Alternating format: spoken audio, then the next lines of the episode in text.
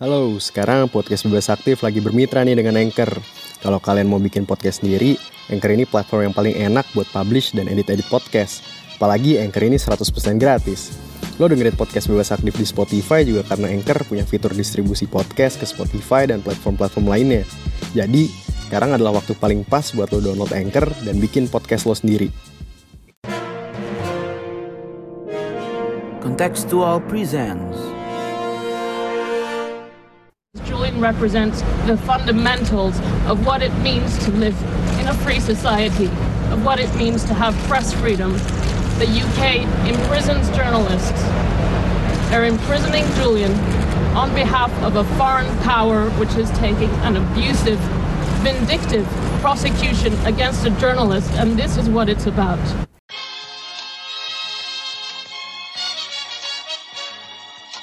伟大、光荣、正确的中国共产党万岁！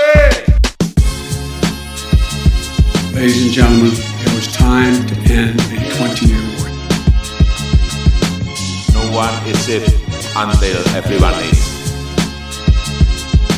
The world is waking up and change is coming whether you like it or not.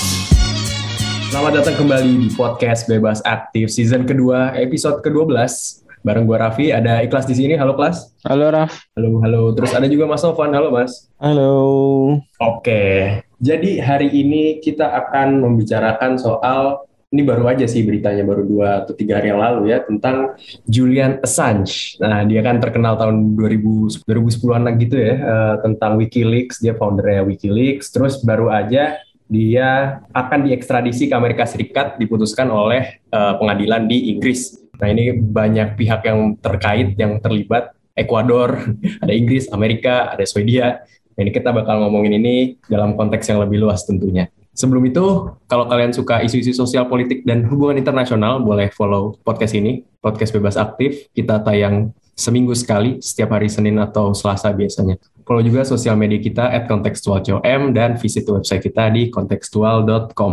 Oke, gue pengen tahu dulu background dari kasusnya dulu ya, karena gue baca-baca tipis-tipis lumayan ini ya, lumayan mumet. Kelas gimana sih ini kasusnya mulainya tuh? Oke, jadi eh, ya rekam jejak Julian Assange ini kan memang dia udah cukup panjang gitu kan. Ya tadi salah satunya dia menjadi founder dari WikiLeaks yang kalau teman-teman belum tahu mungkin WikiLeaks itu apa atau kurang familiar.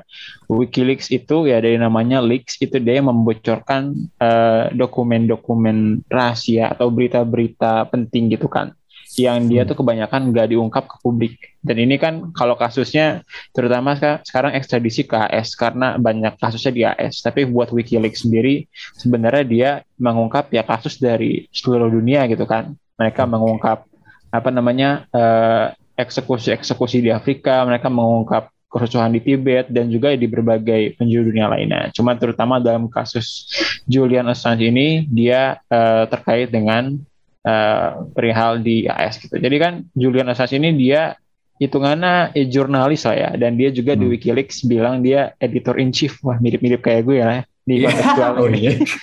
Iya, dan dia eh, dari tahun mulai ngebocorin itu ya dari tahun 2000 zaman-zaman Bush lah waktu itu. Eh, dia banyak ngebocorin kayak terkait kasus perang Irak, perang Afghanistan terutama yang berkaitan dengan war crimes gitu kan. Dan juga eh, akhirnya banyak dari pemerintah Amerika Serikat bahkan sampai yang paling terbaru itu kemarin eh, email-email Hillary juga katanya dia kan yang ngebocorin. Jadi eh, rekam jejak dalam tanda kutip membocorkan informasi yang meskipun itu pada kira penting juga buat publik untuk tahu itu eh, banyak kemudian dilakukan oleh Assange terhadap eh, ya Amerika Serikat gitu dan juga orang-orang penting di Amerika Serikat. Itu yang kemudian membuat dia dicari nih. Awalnya eh, tentu saja lewat legal proceedings di Amerika Serikat dia didakwa awalnya di 2012 oleh eh, apa namanya pengadilan di Amerika Serikat di Virginia. Habis itu terus bertambah aja tahun ke tahun. Sampai sampai paling baru tuh 2018 kalau nggak salah ya. Ditambah lagi sampai total ada 18 dakwaan sebenarnya terhadap dia. Dan itu kan kayak benar-benar banyak banget ya dan dia tentunya nggak sendiri dalam hal ini dan banyak juga kayak berkolaborasi dengan orang-orang lainnya yang juga didakwa gitu kan banyak. Cuman ya Assange salah satunya ini yang paling high profile. Dan, dan karena dakwaan itu dia semenjak 2012 juga itu dia uh, mencari political asylum. Dia waktu itu sebenarnya di Inggris tapi dia mencari asylumnya tuh ke kedubes Ekuador gitu kan. Jadi kan konsepnya tuh kalau uh, kita ada kedubes itu kan tanah ekstrateritorial itu istilahnya di luar negara tersebut tapi sebenarnya masuk teritori negara tersebut sehingga nggak bisa didakwa oleh pemerintah Inggris ataupun diekstradisi uh, ketika mereka ketika dia masih ada di kedubes Ekuador sampai kemudian April uh, tahun ini ya kalau nggak salah. Itu dia kemudian dikeluarkan dari kedubes Ekuador gitu dan dia ditangkap sama otoritas Inggris. Dan kemudian untuk kasus ekstradisinya itu dia mulai mulai diproses. Awalnya sempat di pengadilan yang lebih rendahnya itu uh, dilarang ekstradisinya tapi kemudian di di apa High Courtnya pengadilan hmm. tingginya akhirnya justru uh, pihak Amerika Serikat dimenangkan dan memperbolehkan ekstradisi terhadap Julian Assange. Meskipun belum diproses sampai sekarang, tapi ya kalau udah dibolehin, kayaknya udah nggak lagi yang menghalangkan Amerika hmm. Serikat hmm. untuk mengekstradisi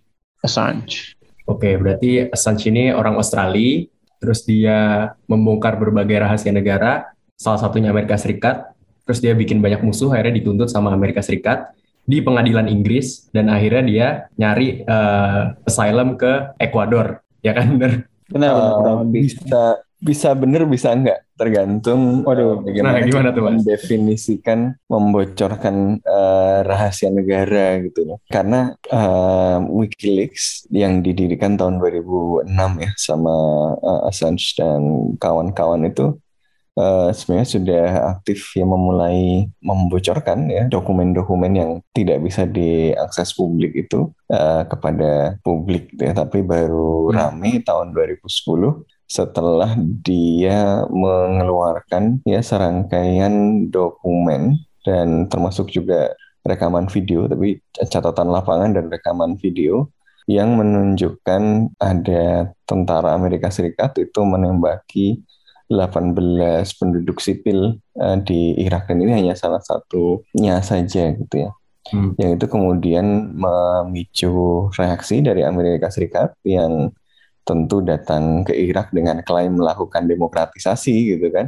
Mereka membebaskan rakyat Irak dari kejahatan Saddam Hussein. Mereka lawan adalah teroris gitu. Tapi uh, kemudian uh, yang di apa sampaikan dan ditampilkan uh, secara raw gitu ya oleh uh, Assange dan kawan-kawan ini menunjukkan uh, hal yang tidak mendukung narasi-narasi uh, tersebut. Maka kemudian dunia terbelah nih gitu ya. Ada yang melihatnya sebagai pengkhianat, ya pengkhianat negara federal Amerika Serikat Bentar, bentar mas. Dia kan orang Australia, kenapa dibilang pengkhianat Amerika? Iya karena. Oh iya, bingung juga ya. karena karena dia membantu pengkhianatan dari uh, apa yang apa yang disebut sebagai pengkhianatan kan? Uh, oh, si Chelsea Manning ini kan. Si Chelsea Manning ya seorang analis uh, intelijen yang mungkin ya uh, namanya analis intelijen kan dia mengakses dokumen-dokumen ini dan merasa kok kok aneh sih gitu.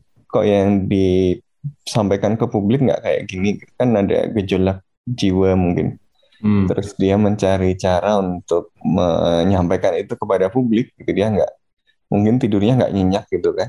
Ya akhirnya dia minta bantuan si Assange ini untuk membongkar komputer uh, punya pemerintah Amerika Serikat dan mengambil dan kemudian menyebarkan data-data itu yang yang kemudian dilihat pengkhianat untuk si Chelsea Manning dan, dan kalau si Assange ini sebenarnya tuduhannya beragam gitu ya. Dan nanti sepanjang perjalanan kita akan melihat bahwa semakin lama semakin turun gitu karena kesulitan untuk membuktikan uh, keterlibatan. Ya awalnya misalnya mau dituduh sebagai mata-mata ya espionage dan bahkan nanti dikaitkan dengan Rusia ya. Tapi kemudian katanya tuduhannya berkurang jadi turut membantu me, membridge atau me, membongkar membobol gitu ya membobol komputer yang mengandung dokumen-dokumen uh, classified. Nah, itu jadi di satu sisi dia dianggap sebagai pengkhianat, penjahat, gitu ya, orang yang membongkar uh, informasi yang seharusnya tidak dibongkar, gitu ya, melakukan Hmm. tindakan kriminal uh, yang harus dihukum karena itu. Ya, tapi di sisi lain dia kemudian dilihat sebagai pahlawan yang kemudian mendorong transparansi uh, dari semua pemerintah ya mendorong orang-orang berkuasa untuk mengakui uh, rahasia yang mereka tutup-tutupi dari publik. Apakah dia pahlawan atau penjahat? Ya mungkin nggak sehitam putih itu juga gitu ya. Ngomong-ngomong Amerika Serikat juga posisinya nggak selalu sama sih ya. Pas zaman Obama nggak terlalu dikejar tuh si Assange. Baru step up lagi zaman Trump ya. Sekarang masih lanjut terus. Jadi uh, di sebagian Demokrat pun uh, juga terbelah. Ya, tapi yang jelas dia beberapa kasus besar yang terbongkar itu ada uh, log atau dokumen-dokumen lapangan, data-data uh, komunikasi lapangan di Irak, kemudian di Afghanistan. Jadi dua tempat yang memang uh, merupakan ikon besar dari uh, global war on terror kan yang ditopang dengan narasi Amerika Serikat itu uh, apa memperjuangkan dunia yang beredar melawan penjahat teroris gitu ya. Uh, nah, tapi WikiLeaks ini kemudian me, apa, memberikan bukti-bukti lapangan dari Amerika Serikat sendiri, mulai dari rekaman video dan macam-macam yang menunjukkan uh, ada pelanggaran uh, hukum perang, ya, ada pembunuhan terhadap masyarakat sipil dan seterusnya yang bertentangan dengan uh, cerita itu. Lalu ada juga dokumen-dokumen atau informasi-informasi yang berkaitan dengan Guantanamo. Ini yang juga kontroversial ya, yang menunjukkan apa penyiksaan-penyiksaan yang luar biasa ya, perlakuan ketahanan yang tidak manusiawi gitu, yang membuat legitimasi Amerika Serikat kemudian dipertanyakan. Nah ini yang uh, kemudian membuatnya sangat uh, dikejar gitu ya oleh pemerintah Amerika Serikat. Tapi pada saat yang bersamaan yang dilakukan oleh WikiLeaks ini juga uh, bordering baik buruknya itu. Jadi dia itu caranya hmm. di semua dokumennya terus di leak saja, dibocorin semuanya gitu. Kalau jurnalisme biasanya kan dia investigatif, kemudian ada temanya, ada uh, ininya gitu yang kemudian bisa diletakkan di analisis. Ya kalau ini semuanya diambil, semuanya langsung dibagi. Ada ada pro kontranya. Pro-nya adalah ya dia membongkar sesuatu yang ditutup-tutup ya. Kontranya adalah Nah dia kalau dia asal ngambil terus dibagi-bagi, uh, apakah uh, itu hal baik? Memang betul ada beberapa hal yang penting kayak kejahatan perang misalnya di Irak atau di Afghanistan atau di Guantanamo tadi. Tapi uh, apa ya apa ya semua informasi di WikiLeaks itu kayak gitu gitu kan? Tadi sempat disebut sama Ikhlas misalnya soal ya ini dokumen bisa membahayakan karena di situ misalnya ada nama-nama orang, ada nama-nama uh, aktivis yang sedang melawan pemerintah dan seterusnya. Gitu. Jadi dia bisa membahayakan nyawa orang juga gitu ya. Karena dari leaks itu kan pemerintah-pemerintahnya juga jadi baca gitu. Kemudian mereka jadi melihat uh, macam-macam oh ini yang diawasi dan seterusnya yang uh, tadinya cuma dipantau internal sehingga nggak rame terus publik jadi tahu ya terus ada risiko misalnya dibungkam sekalian dan seterusnya dan seterusnya gitu. Jadi ada apa ya? Ada kontroversi juga dengan cara leaks ini. Dan ini nanti akan memulai tren leaks-leaks yang lain sih ya sampai yang terakhir kemarin apa Panama leaks dan macam-macam. Jadi diambil dokumennya, dibagikan, nanti masing-masing menganalisis sendiri. Nanti ada wartawan bisa ada macam-macam. Jadi ada pro kontranya bagi yang uh, merasa rahasianya dibongkar dan dikuliti, ya dia penjahat ya, karena dia mendapatkan informasi itu secara ilegal. Bagi yang melihatnya sebagai pahlawan, Assange ini membongkar hal-hal yang ditutupi oleh orang-orang yang berkuasa. Bagi yang apa ya di tengah-tengah gitu ya, uh, melihat bahwa WikiLeaks ini bagus, ada hal-hal yang kemudian penting untuk diketahui publik tapi agak kurang hati-hati gitu agak sembarangan juga nih semuanya di black ini bisa bisa juga ada hal-hal yang seharusnya tidak dibagikan kepada orang tapi dibagikan kepada orang. Nah ini yang uh, memang kemudian menjadi complicated. Nah dalam situasi yang seperti itulah uh, dia dikejar oleh Amerika Serikat dan tadi seperti yang diceritakan oleh uh, ikhlasnya dia mencoba uh, menyelamatkan diri gitu ya. Ya tapi ya anyway dia sudah ditangkap oleh Inggris dan kemudian uh, beberapa waktu yang lalu uh, kemudian uh, bahwa dia akan segera diekstradisi ya ke Amerika Serikat. Dan kemudian um, sempat stroke juga ya karena uh, sempat mini stroke ya stroke kecil. Karena mungkin ya stressful sekali karena dia membayangkan ya ke Amerika Serikat ya, dibayangkan dicari puluhan tahun eh puluhan enggak sampai puluhan ya hampir 10 tahun lah ya hmm. oleh Amerika Serikat ya akhirnya ketangkep ya ya seperti apa gitu kan Snowden Edward Snowden itu bahkan bilang eh, nggak uh, tahu ini konspirasi atau hmm, ya hati-hati aja gitu. nasibnya Assange uh, bisa seperti uh, salah satu orang McAfee gitu ya yang terbunuh yang meninggal di di penjara ya tentu semoga nggak demikian semoga uh, apa ya kita melihat kalaupun uh, kita akan melihat bukti bahwa Amerika apa Amerika Serikat itu konsisten nggak dengan uh, apa nilai demokrasi yang dipromosikannya gitu atau ya seperti yang disampaikan oleh WikiLeaks jangan-jangan cuma ya narasi saja itu. Oke oke oke.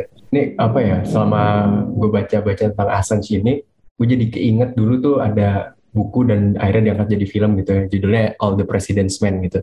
Ada jurnalis dari Washington Post ngebuka file perang Amerika di Vietnam kan. Amerika waktu itu uh, bilang kalau kita optimistis bla bla bla bla bla ternyata kenyataan di lapangan nggak begitu. Nah ini gue jadi penasaran sama pertanyaan. Tadi ngomongin juga soal uh, rahasia negara ya kelas sejauh mana sesuatu itu bisa dibilang rahasia negara gitu maksudnya uh, idealnya suatu negara atau suatu pemerintahan pemerintahan kan yang dipilih oleh rakyat uh, apalagi itu akan harus akuntabel gitu sama pemilihnya gitu sama rakyatnya tapi di sisi lain juga ada hal-hal yang kalau misalnya bocor bisa kenapa-kenapa ini negara atau bisa kenapa-kenapa ini pemerintahan. Kalau lu yeah. lihatnya gimana sih? Karena bisa yeah. misalnya bocor ke musuh gitu kan? Iya, yeah, exactly, exactly. Gimana kelas? Iya, yeah, iya. Yeah.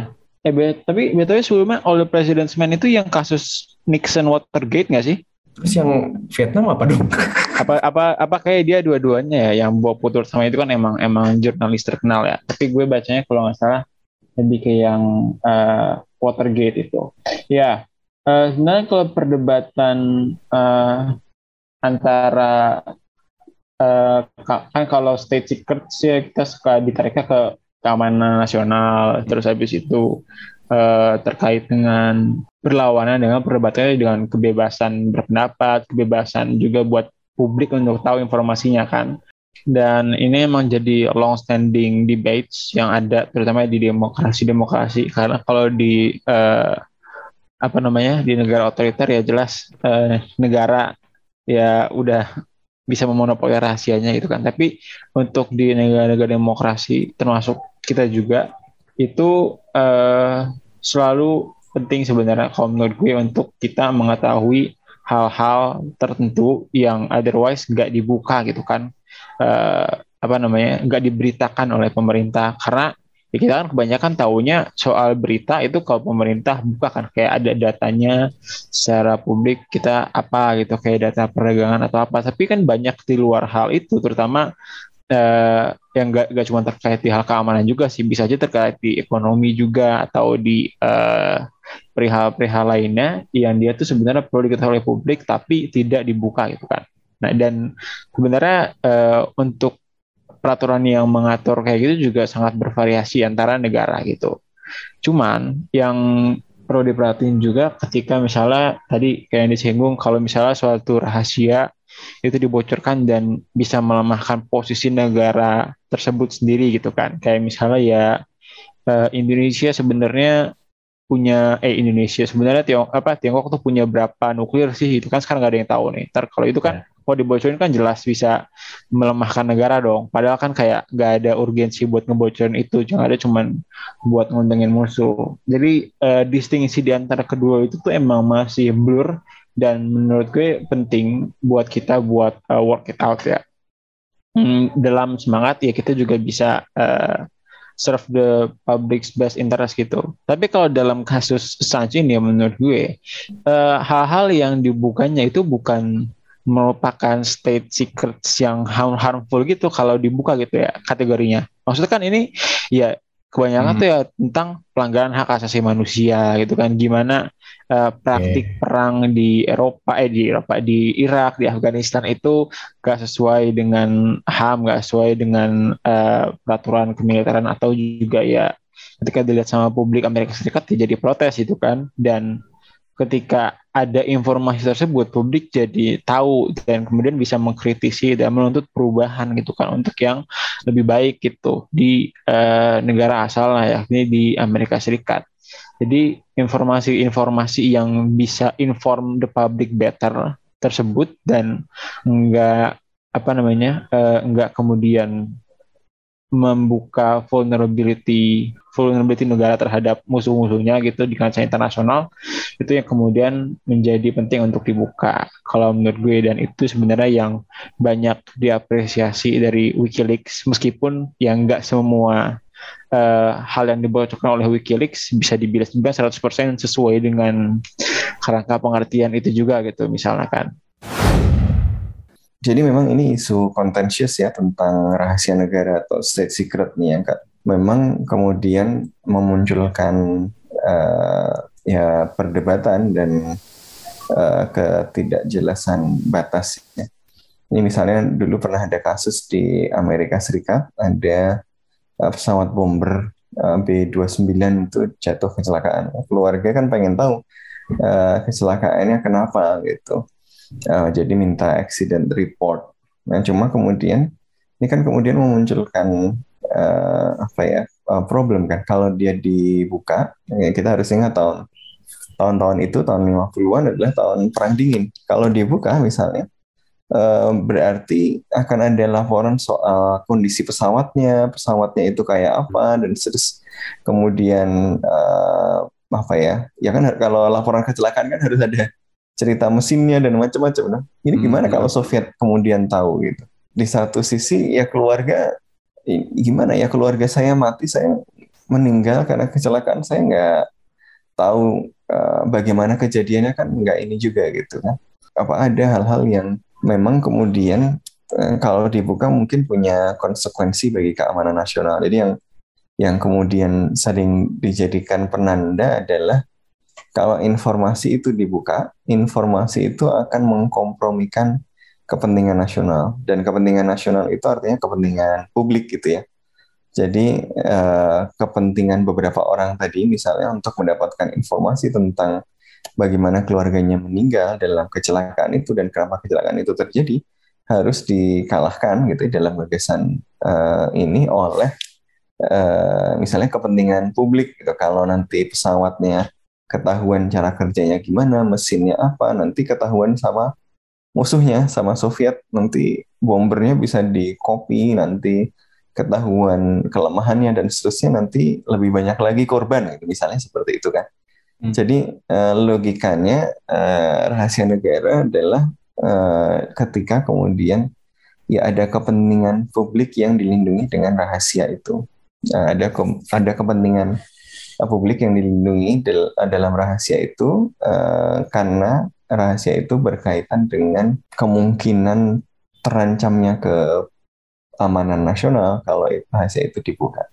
Nah itu uh, yang kemudian bikin contentious. Kenapa? Karena siapa yang kemudian mendefinisikan kepentingan nasional, ya kan? Betul. Uh, uh, betul kita terima logikanya gitu. Betul bahwa masa semua hal dibuka gitu kalau semua hal dibuka eh, nggak uh, aman dong gitu kan jadi mak maksudnya logikanya masuklah gitu hmm. ada hal-hal yang demi kepentingan publik itu harus dijaga rahasianya gitu tapi pada saat yang bersamaan problemnya adalah siapa yang kemudian menentukan mana yang harus dijaga rahasianya untuk kepentingan nasional? Siapa yang mendefinisikan kepentingan nasional itu?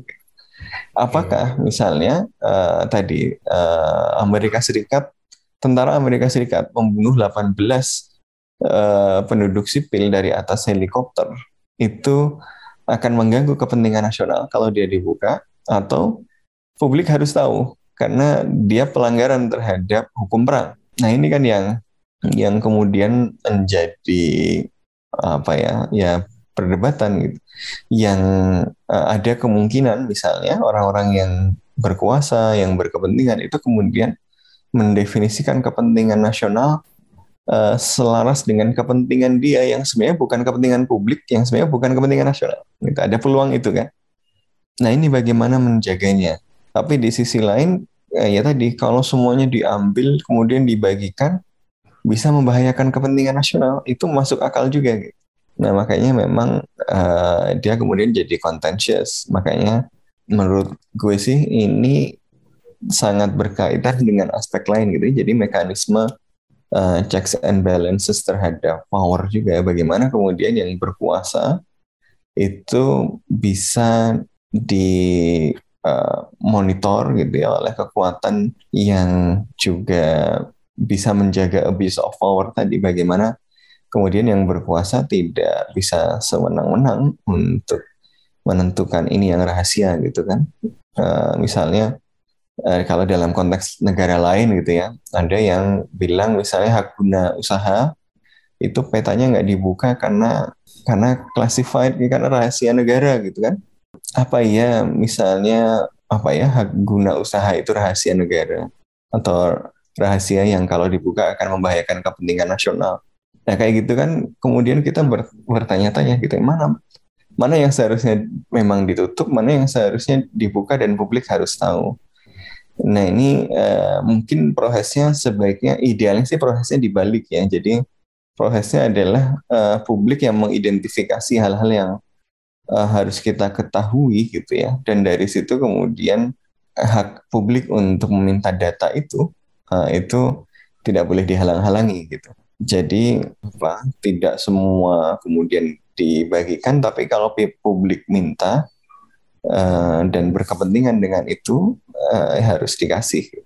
Nah ini ya tapi memang ini proses yang uh, contentious. Yang ini yang membuat kasus WikiLeaks ini memang sangat membelah gitu ya. Di satu sisi ada yang bilang ini kriminal, siapa dia eh, buka-buka email apalagi yang di Cablegate atau yang emailnya Hillary gitu kan uh-uh. itu kan sampai intrusi ke ya do, sampai ke email orang gitu uh-huh. uh, tapi di sisi lain ya tanpa dia kita nggak tahu uh, hal-hal yang terjadi di lapangan di Irak di Afghanistan di Guantanamo gitu ya nah jadi memang ya kita walking a very uh, thin line gitu karena nature dari state secret tadi yang yang penuh perdebatan itu gitu. ya kita setuju bahwa tidak semua hal itu uh, harus dibuka karena bisa mengkompromikan kepentingan nasional. Masalahnya siapa yang menentukan kepentingan nasional? Dan siapa yang menjamin kepentingan nasional itu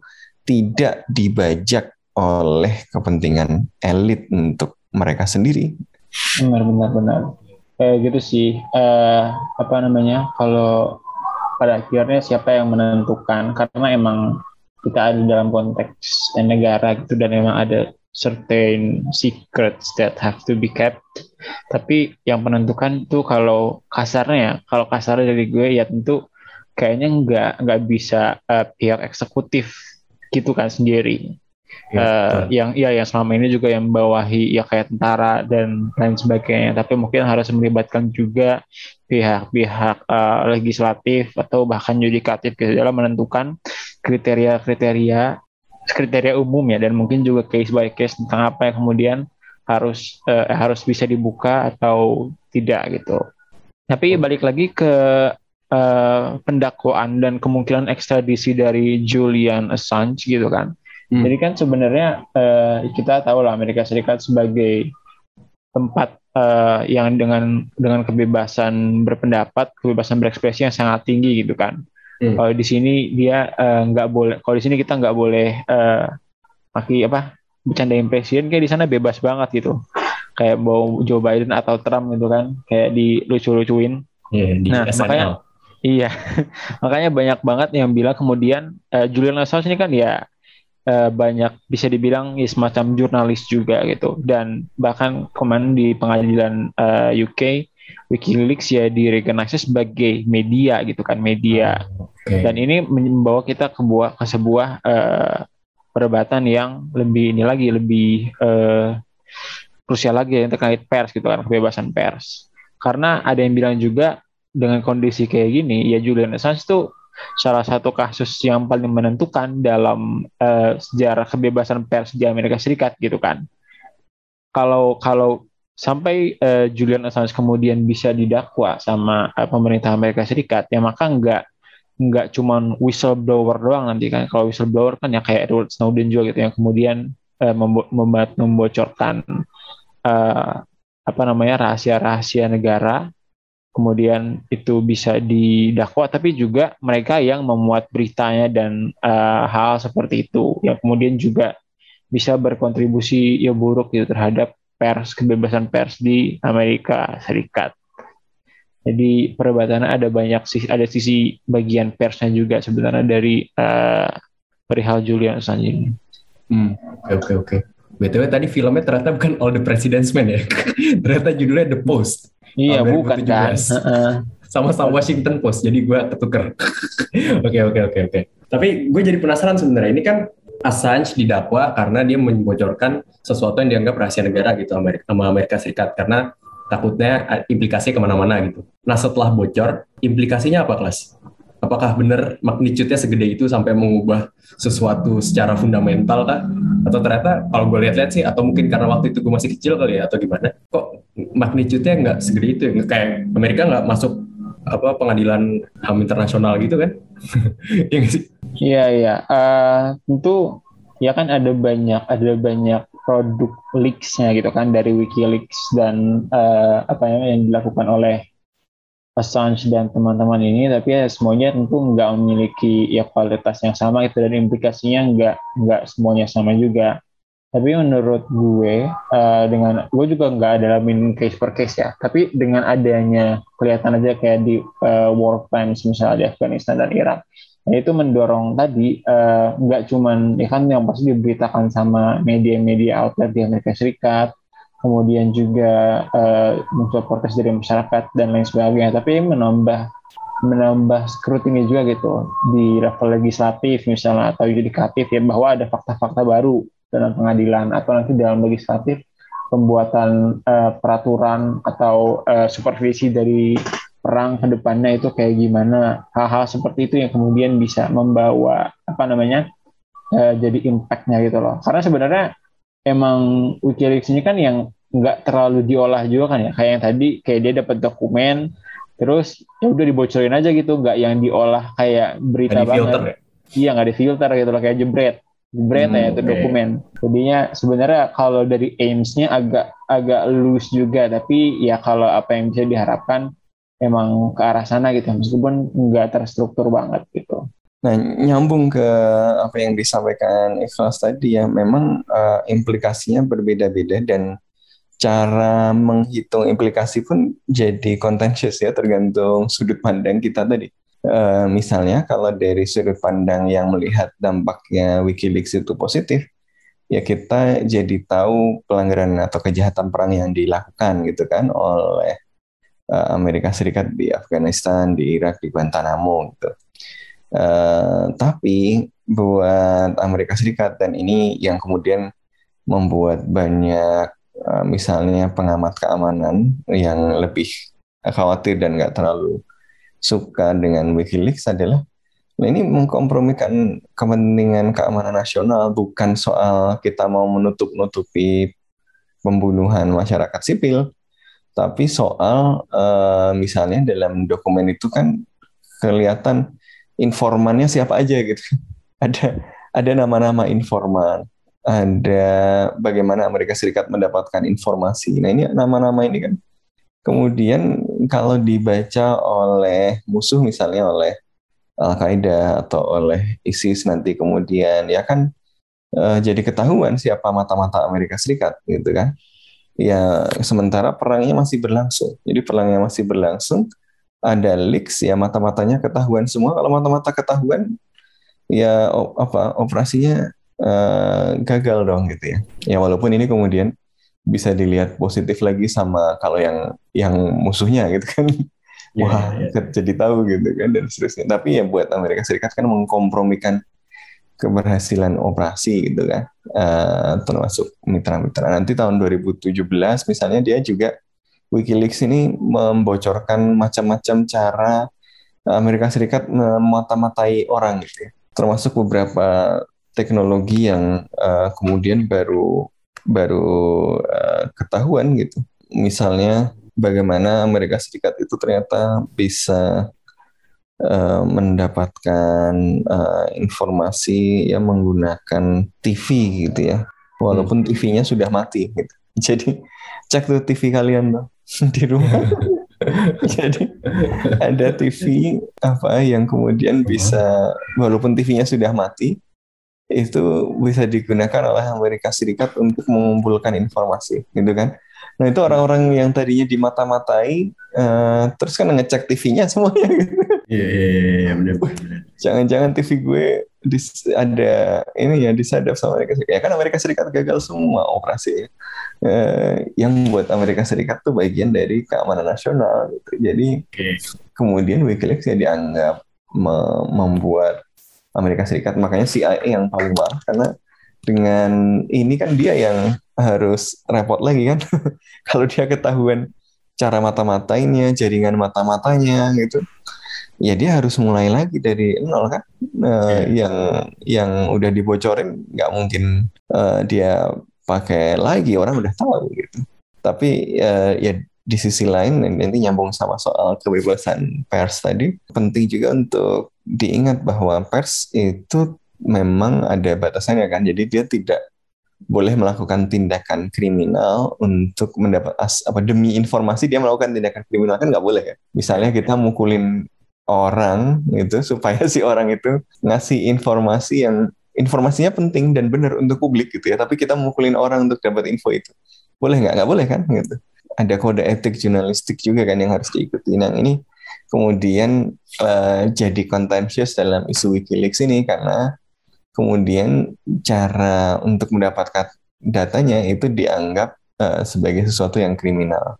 Tapi lagi-lagi tadi kriminal itu siapa yang menentukan? Ya kriminal uh, itu soal uh, apa uh, legality dan illegality yang itu berkaitan dengan power dengan kekuasaan. Ini lagi-lagi uh, soal itu siapa yang mendefinisikan sesuatu legal dan ilegal gitu kan seharusnya uh, kekuasaan untuk menentukan legal dan ilegal itu bertalian dengan kepentingan nasional dan kepentingan nasional didefinisikan oleh publik.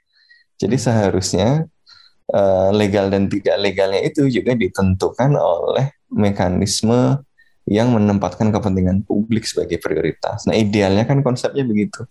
Hmm. Nah prakteknya masalahnya adalah uh, dari suara publik, kepentingan publik sampai ke kebijakan, ini kan banyak distorsinya, bahkan di negara-negara yang mengklaim sebagai kampion demokrasi gitu. Mantap, mantap. Berarti kayak the ends do not justify the means lah ya. Iya, iya. Iya, masalahnya yang mendefinisikan ends dan means itu siapa juga? Siapa lagi? Ya, betul sekali.